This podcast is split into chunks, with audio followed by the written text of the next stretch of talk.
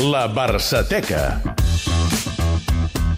Eudal Serra, bona tarda. Bona tarda, Costa. Avui ens eh, recuperes el comiat d'un jugador no sé si dir-ne mític, però un jugador Home, podríem dir molt que va- popular als 80. Sí, va marcar sobretot, va ser un dels que va marcar la dècada dels 80, que no va ser una dècada en quant a títols i èxits esportius molt reixida al Barça, però que va tenir la seva importància. Parlem de Julio Alberto, que l'1 de juny, com avui, però del 1991, ja fa 27 anys, posava punt final a la seva carrera com a jugador del Barça després de 9 temporades.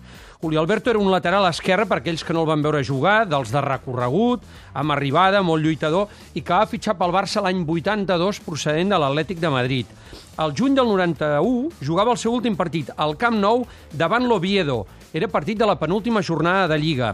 El Barça, a més, celebrava aquell dia al Camp Nou el títol de Lliga que havia aconseguit recentment. Era la primera Lliga del Dream Team, que ja n'havíem parlat un altre dia aquí a la Barçateca. Julio Alberto es va acomiadar de l'afició fent de capità aquell dia i més tard, a l'acabar el partit, ho recordava als micròfons de Catalunya Ràdio. El más feliz, el más feliz. Yo, desde luego, si tuviera que poner la balanza lo feliz y lo, y lo, y lo triste, diría que es el más feliz. Me siento lleno de, de- de, no sé, de felicidad por la, la, no sé, la acogida, el calor eh, demostrado por todos los aficionados del campo.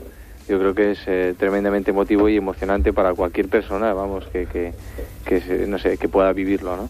Hi ha jugadors que se'ls recorda per moments puntuals, per fets puntuals. Potser Julio Alberto el podríem recordar, sobretot, per aquell gol que va marcar la Juventus a l'anada dels quarts de final de la Copa d'Europa de l'any 86, o, per exemple, també per aquella centrada a la Romareda que va acabar rematant acrobàticament de cap Marcos mm. i que li va donar el títol de Copa al Barça davant el Madrid a la final de l'any 83. Clar, el que passa allà el va eclipsar el salt de Marcos i, el les gol. botifarres sí, de Schuster. I les botifarres de Schuster, correcte.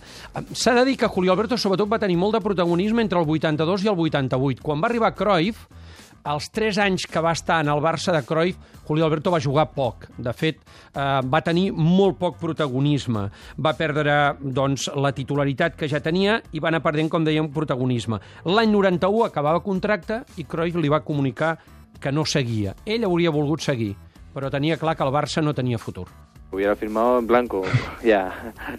Hombre, la verdad es que tengo que decir que el Barça, Johan Cruyff, eh, el equipo técnico es el equipo que son los que han decidido que no, no siguiera en el Barcelona por más tiempo. En aquell moment no tancava continuar jugant, però al final es va retirar. Als gairebé 33 anys, Julio Alberto ja no va jugar en cap més equip.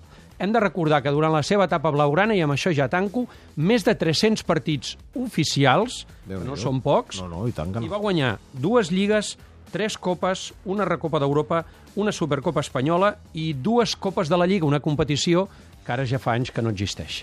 Doncs déu nhi 300 partits oficials en una època en què no se'n jugaven tants com ara.